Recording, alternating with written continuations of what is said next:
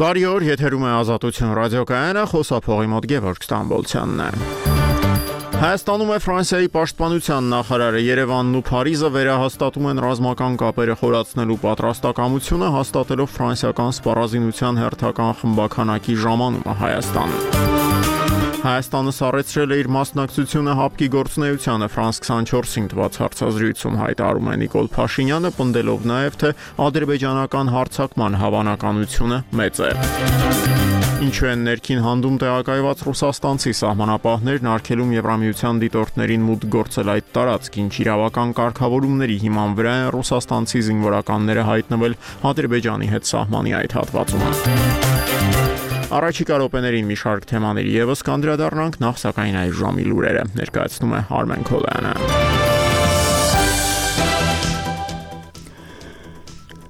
Հայաստանը 3 երեկոյան արդեն ստացել է պաշտպանական նշանակության սարքավորումների առաջին խմբականակը։ Այսօր Երևանում Հայաստանի պաշտպանության նախարար Սուրեն Պապիկյանի հետ համատեղ ասուլիսում հայտնել է Ֆրանսիայի զինված ուժերի նախարար Սեբաստիան Լկորնյուն։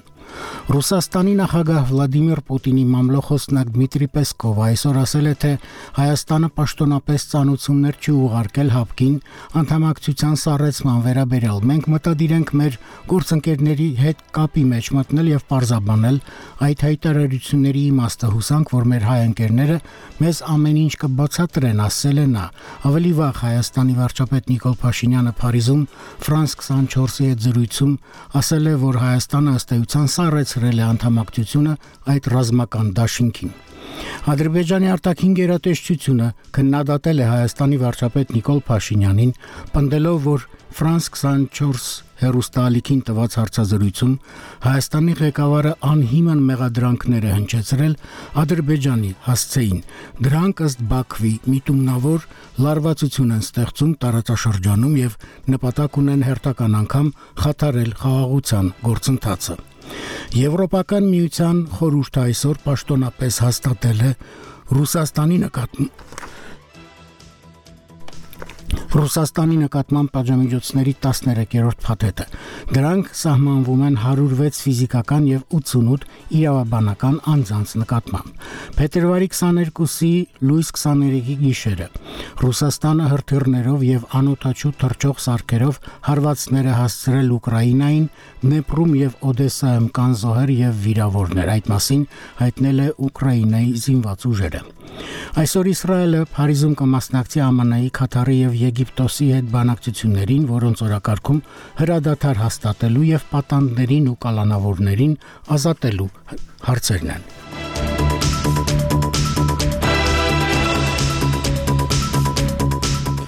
Շնորհակալություն Արմեն, շարունակում ենք թողարկումը նախորդ գլխավոր նորության Ֆրանսիայի պաշտպանության նախարարի Երևանյան այցի մասին Սեբաստիան Լեկորնյուն եւ նրա հայաստանցի պաշտոնակից Սուրեն Պապիկյանն այսօր Երևանում հանդես են եկել մի շարք աղմկալի հայտարարություններով, հասկացնելով, որ հայ-ֆրանսիական ռազմատեխնիկական համագործակցությունն արդեն իսկ կայացած իրողություն է, լսենք Աստղիկ Բեդևյանին։ Հայաստանը շարունակելու է պաշտպանական զենք գնել անկախ խաղաղության պայմանագիր կնքելուց հետո ինչ անվտանգային իրավիճակ կլինի։ Պաշտպանության նախարարությունում ֆրանսիացի իր գործընկերոջ հետ ասուլիսի ընթացքում հայտարարեց ռազմական գերատեսչության ղեկավար Սուրեն Պապիկյանը։ Հայաստանի Հանրապետության կողմից գնվող զենք զինամթերքը ուղղված չէ որևէ երկրի նկատմամբ ագրեսիայի։ Իհարկե չեմ կարող հերքել, որ կա վտանգ, եւ այդ վտանգը տեսանելի է արկա հռետորաբանությունից եւ մեր պարտավորությունն է պաշտպանել մեր երկրի տարածքային ամբողջականությունը,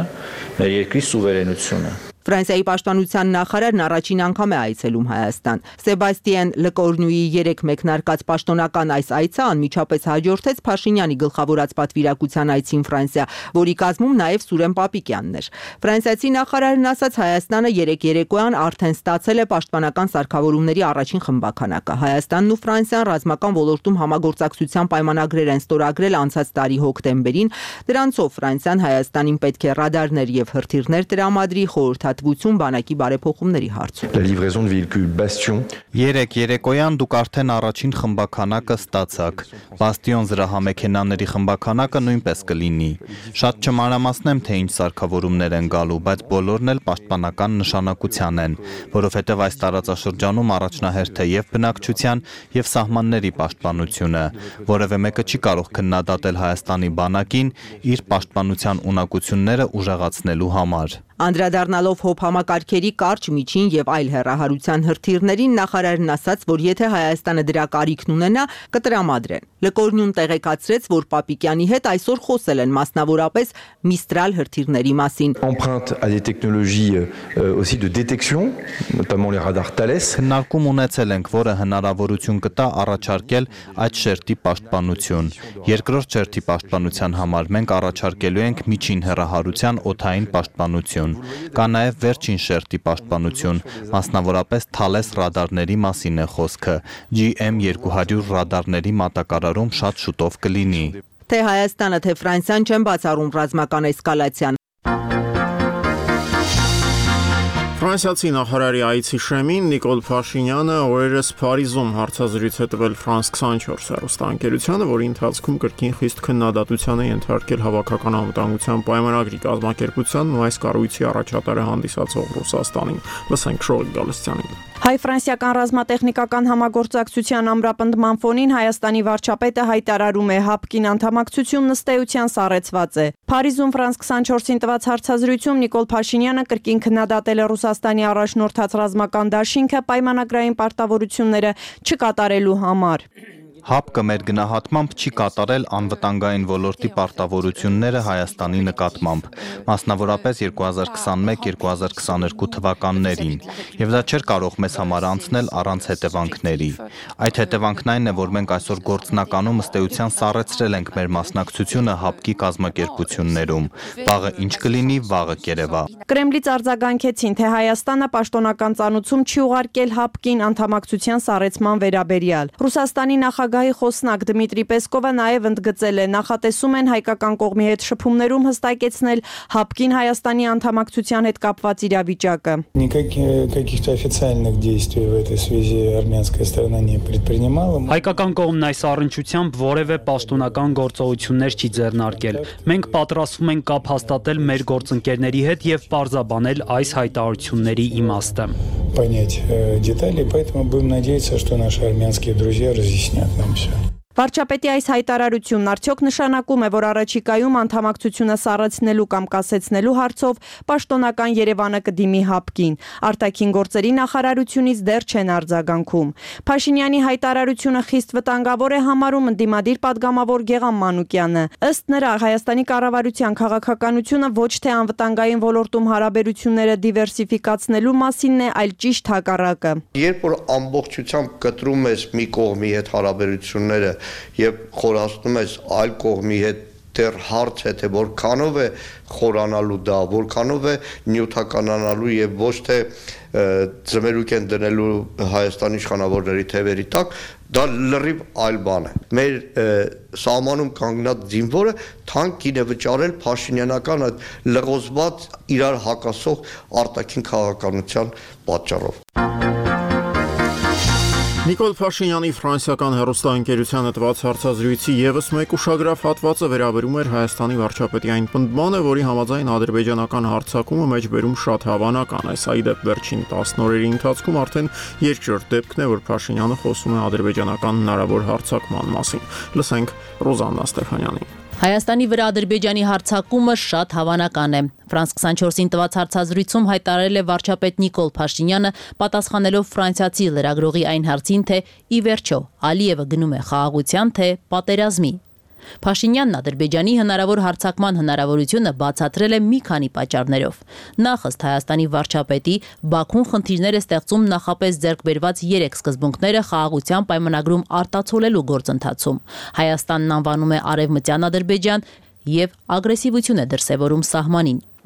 sur la scène internationale. Այն երեք սկզբունքները, որ հայտարարված են եւ ըստ էության հրապարակված են միջազգային հարթակներում ձեռք բերված պայմանավորվածությունների շրջանակներում, մենք խնդիր ենք դնում այս սկզբունքները արտահայտել խաղաղության պայմանագրում, այսինքն այս ճանապարհին է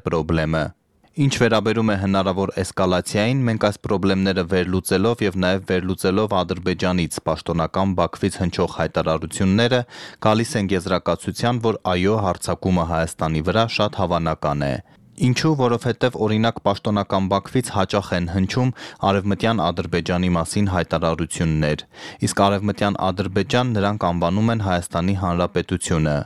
Եվ երբ որ նրանք առանց տարընթերցումների մեր տարածքային ամբողջականությունը եւ սահմանների անխախտելիությունը գործնականում չեն ճանաչում, գալիս են այդ վերլուծությունները։ Դիվանագիտական մակարդակում Ադրբեջանը հավաստիացնում է, որ հարձակման ոչ մի մտադրություն չունի, բայց որտեղից են գալիս այդ տեսակետները հարձակման հավանականության մասին։ Արդեն իսկ հրապարակային պայմանավորված սկզբունքները խաղաղության պայմանագրի տեքստի մեջ արտահայտելիս մենք տեսնում ենք, որ դրանք Ադրբեջանի կողմից չեն հարգվում։ Հայաստանի վրա Ադրբեջանի հարձակման հնարավորության մասին խոսելիս Փաշինյանն անդրադարձավ նաև փետրվարի 13-ին ներքին հանդում տեղի ունեցած արյունալի բախմանը, որի հետևանքով 4 հայ զինծառայող սպանվեց։ Հայաստանի վարչապետը պնդեց, այդ միջադեպը որևէ կերպ արդարացված չէր։ Նրանք հայտարարել էին, որ իրենց զինվորներից մեկը վիրավորվել է։ Մենք էլ հայտարարեցինք, որ հետաքննություն կիրականացնենք, եւ եթե ողջվի, որ կա խախտում, դա կունենա նաեւ օրենքով նախատեսված հետևանքներ։ Չնայած այդ հայտարարություններին, Ադրբեջանը այդ առիթը օգտագործեց, որ เป զի ագրեսիվություն ցուցաբերի։ Փաշինյանը շեշտեց. այս փաստերի համախմբումն է, որ հայաստանյան եւ միջազգային շատ փորձագետների բերում է այն համոզման, որ Ադրբեջանը նոր հարձակում է նախապատրաստում։ Երկու օր առաջ Հայաստանում Եվրամիության դիտորդական առաքելության գործնեության առաջին տարվա արդյունքները ամփոփելու ժամանակ թե հայաստանցի պաշտոնյաներից ոմանք օրինակ անվտանգության խորհրդի քարտուղարը, թե առաքելության ղեկավար Մարկուս Ռիտերը հայտարարում էին, թե հայ-ադրբեջանական սահմանի ներքին հանդի հատվածում տեղակայված ռուսաստանցի սահմանապահները թույլ չեն տալիս եվրոպացի դիտորդներին մուտք գործել այդ բնակավայր։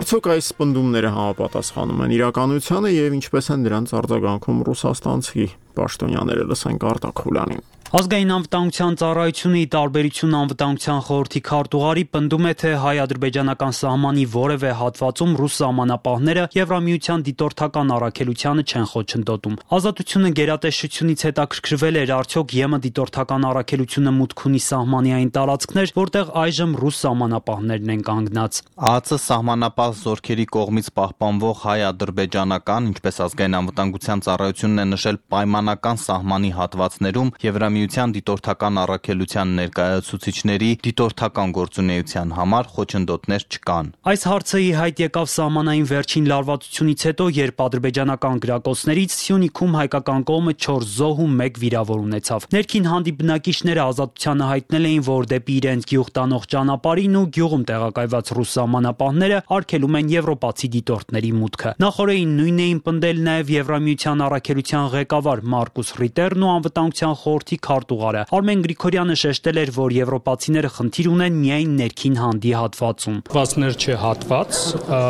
մեկ հատված։ Մեկ հատված ներքին հանդ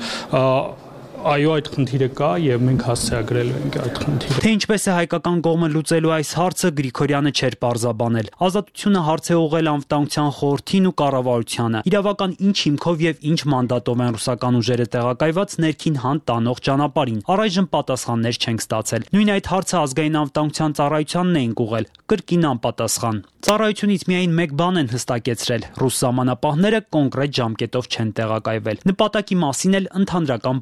պարզաբանում են տվել։ Ռուս սահմանապահների տեղակայման նպատակը հայ-ադրբեջանական պայմանական սահմանին մոնիթորինգի եւ հնարավոր կոնֆլիկտները խաղաղ ճանապարհով լուծելուն ուղղված միջոցառումների իրականացումն է։ Հայտնում են գերատեսչությունից առանց հստակեցնելու ինչ միջոցառումների մասին է խոսքը։ Ծրագրի այս հատվածում էլ միջազգային թեմաների մասին Ռուսաստանյան ընդդիմության առաջնորդ Ալեքսեյ Նավալնու մահվանից անցել է ուղիղ 1 շաբաթ, սակայն նրա հարազատները դեռ չեն կարողացել ստանալ ընդդիմադրի աճումն ու կազմակերպել նրա հուարկավորությունը։ Նավալնու մայրը 3 տարածած ուղերձում չէ չէր բացառել, որ իշխանությունները ցանկանում են իր որդու հուարկավորությունը ծածուկ կազմակերպել։ Ազաբաբայանն է ներկայացնում մանրամասները։ Գաութում մահացած Ալեքսեյ Նավալնիի մայրը 3 վերջապես տեսել է որդու մարմինը, սակայն իշխանությունները չեն համաձայնում մորը հանձնել որդու մարմինը հողարկավորության համար նրանք մի շարք պայմաններ են առաջ քաշում։ Լյուդմիլա Նավալնյան երեք գիշերը տեսաուղերձ էր հրապարակել։ Они шантажируют меня, ставят мне условия, где, когда и как должен быть похоронен Алексей. Это незаконно. Նրանք սպառնում են ինձ, պայմաններ են դնում, որտեղ, երբ եւ ինչպես պետք է հուղարկավորվի Ալեքսեյը։ Իմ ներկայությամբ նրանք ինչ որ հրահանգներ են ստանում կամ Կրեմլից կամ քնչական կոմիտեից։ Նրանք ուզում են, որ Ալեքսեյը հուղարկավորվի գախնի, որ դուք նրան հրաժեշտ տալու հնարավորություն չունենաք։ Ես դրան համաձայն չեմ։ Ես այս տեսաուղերձը ձայնագրում եմ, քանի որ նրանք սկսել են ինձ ուղակի սպառնալ, թե ինչ որ բան կանեն Ալեքսեյի մարմնի հետ։ Քննիչ Վարապաևը պարզապես ասել է. ժամանակը ձեր դեմ է, դիակը քայքայվում է։ Следователь Воропаев открыто мне сказал, время работает не на вас, Труп разлагается։ Նավալնիի մոր այս տեսագրությունից հետո ռուսաստանցի հայտին գործիչները գրող Միխայել Զիգարյա, երաժիշտ Նոյզի Էմսին, պատմաբան Տամարա Էյդելմանը, երաժիշտ Անդրեյ Մակարեևիչը, դերասանուհի Տատյանա Լազարևան եւ շատ ուրիշներ սկսեցին նույնպես տեսագրություններ տարածել։ Նոբելյան մրցանակի դափնեկիր Նովայա գազետայի գլխավոր խմբագիր Դմիտրի Մուրատովն իր տեսաուղերձում պահանջում է իշխանություններից հանձնել Նավալնիի մարմինը մորը։ Неловко говорить об этом стране, которая себя считает пока еще христианской. Դժվար է այս մասին խոսել մի երկրում, որն իրեն դեռ քրիստոնեական է համարում։ Պարզապես տվեք Լյուդմիլա Իվանովնային նրա որդուն։ Մինչ այդ 3 երեկո այն Սան Ֆրանցիսկոյում Յուլիա եւ Դարիա Նավալնիների հետ հանդիպումից անմիջապես հետո նախագահ Բայդենը հայտարարել է, որ Ալեքսեյ Նավալնիի մահվան պատճառով Պուտինը կհայտնվի ամերիկյան նոր պատժամիջոցների տակ։ Բայդենը կրկին շեշտել է, թե Նավալնիի մահվան համար պատասխանատու է Պուտինը եւ հավելել, որ նոր պատժամիջոցների մասին սպիտակ Թուղթությունը կհայտարարի այսօր։ Բացի այդ Միացյալ Նահանգների նախագահը նաև ընդգծել է, որ իր համար པարզ է Յուլիա Նավալնյան շարունակելու ամուսնու գործը։ Մենք չենք հանձնվում գրել է Ջո Բայդենը։ Ուկրաինայում շարունակվող պատերազմի ֆոնին Հյուսիսատլանտյան դաշինքի գլխավոր քարտուղարը պնդում է Կիևին տրամադրվող սպառազինությունը ոչ թե բարեգործություն է, այլ ՆԱՏՕ-ի անդամ պետությունների անվտանգության ամրապնդման մեջ կատարված ներդրում։ Այս մասին Ստոլտենբերգը նշել է Ազատության Բրյուսելի թղթակցի հետ հարցազրույցում, ընդունելով նաև, որ իրավիճակն ուկրաինական ուժերի համար ռազմաճակատում բավական ծանր է դրա հետ մեկտեղ Ստոլտենբերգը չի կարծում, թե Ավդեևկա քաղաքի կորուստը կարող է ստրատեգիական վատ հետևանքներ ունենալ Կիևի համար։ Լսենք Լուսինե Մուսայելյանին։ ՆԱՏՕ-ի գլխավոր քարտուղար Յենս Ստոլտենբերգը վստահ է դաշնակիցները պատրաստ են ավելին անելու երաշխավորելու Ուկրաինայի հաղթանակը ռուսական ուժերի դեմ պատերազմում։ Ստոլտենբերգի խոսքով դաշինքն էականորեն փոխել է իր դիրքորոշումը Կիևին ավելի առաջադեմ սպառազինություն տրամադրելու հարցում։ Ազատ Եվրոպա ազատություն ռադիոկայանին տված բացառիկ հարցազրույցում ՆԱՏՕ-ի ղեկավարը շեշտել է. Ուկրաինային աջակցելը նաև դաշնակիցների անվտանգության շահերից է բխում։ This is not charity Սա բարեգործություն չէ, սա ներդրում է մեր իսկ անվտանգության համար եւ որ մեր աջակցությունը փոխում է իրավիճակը մարտի դաշտում։ Ուկրաինա Ռուսաստանի ներխուժումից 2 տարի անց Կիևը ռազմական ֆինանսական աջակցության սուր կարիքի է բախվել մասնավորապես արևմուտքում քաղաքական հոգնածության նշանների ֆոնին։ Մարտի դաշտում իրավիճակի ծայրաստիճան լարվածության մասին պաշտոնական Կիևը սկսեց խոսել հատկապես Ավդեևկա քաղաքի կորստից հետո։ Ամիսներ տևած թեժ մարտերից հետո ուկրաինական զորքերի դուրսբերումը Ավդեևկայից ՆԱՏՕ-ի ղեկավարի համոզմամբ խոսում է ռազմական օգնության անհրաժեշտության մասին, երաշխավորելու որպեսզի Ռուսաստանը հետագա ձեռքբերումներ չունենա։ Բայց մենք չենք հավատում, որ ուկրաինական ուժերի դուրսբերումը Ավդիևկայից էապես կփոխի ռազմավարական իրավիճակը։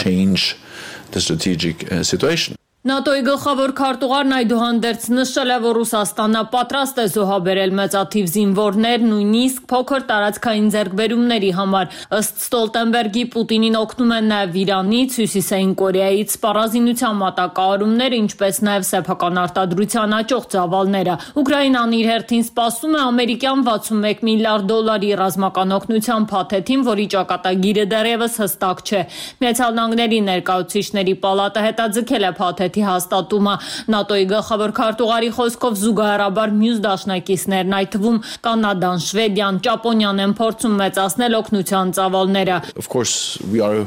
focused on the United States, but Մենք իհարկե կենտրոնացած ենք Միացյալ Նահանգների վրա, բայց նաև տեսնում ենք, թե ինչպես են մյուս դաշնակիցները իսկապես ակտիվացնում եւ նշանակալի աջակցություն ցուցաբերում Ուկրաինային։ significant support uh, to Ukraine.